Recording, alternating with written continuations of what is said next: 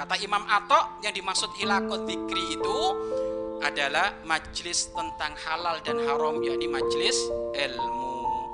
Kaifa tashtari bagaimana kamu berjualan, kamu membeli. Wa kaifa tusalli bagaimana kamu sholat yang isi dari halal haram yaitu bagaimana kamu menjual, bagaimana kamu membeli, bagaimana kamu sholat.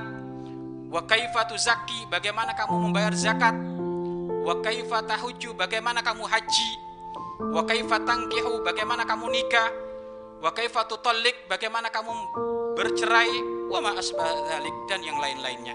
Jadi yang dimaksud riyadul jannah, taman-taman surga itu adalah yang di situ diajarkan ilmu ataukah dzikir. Ya inilah taman-taman surga. Nah, ini taman-taman surga ini. Maka mudah-mudahan Allah menjadikan kita betah berada di taman-taman sur surga.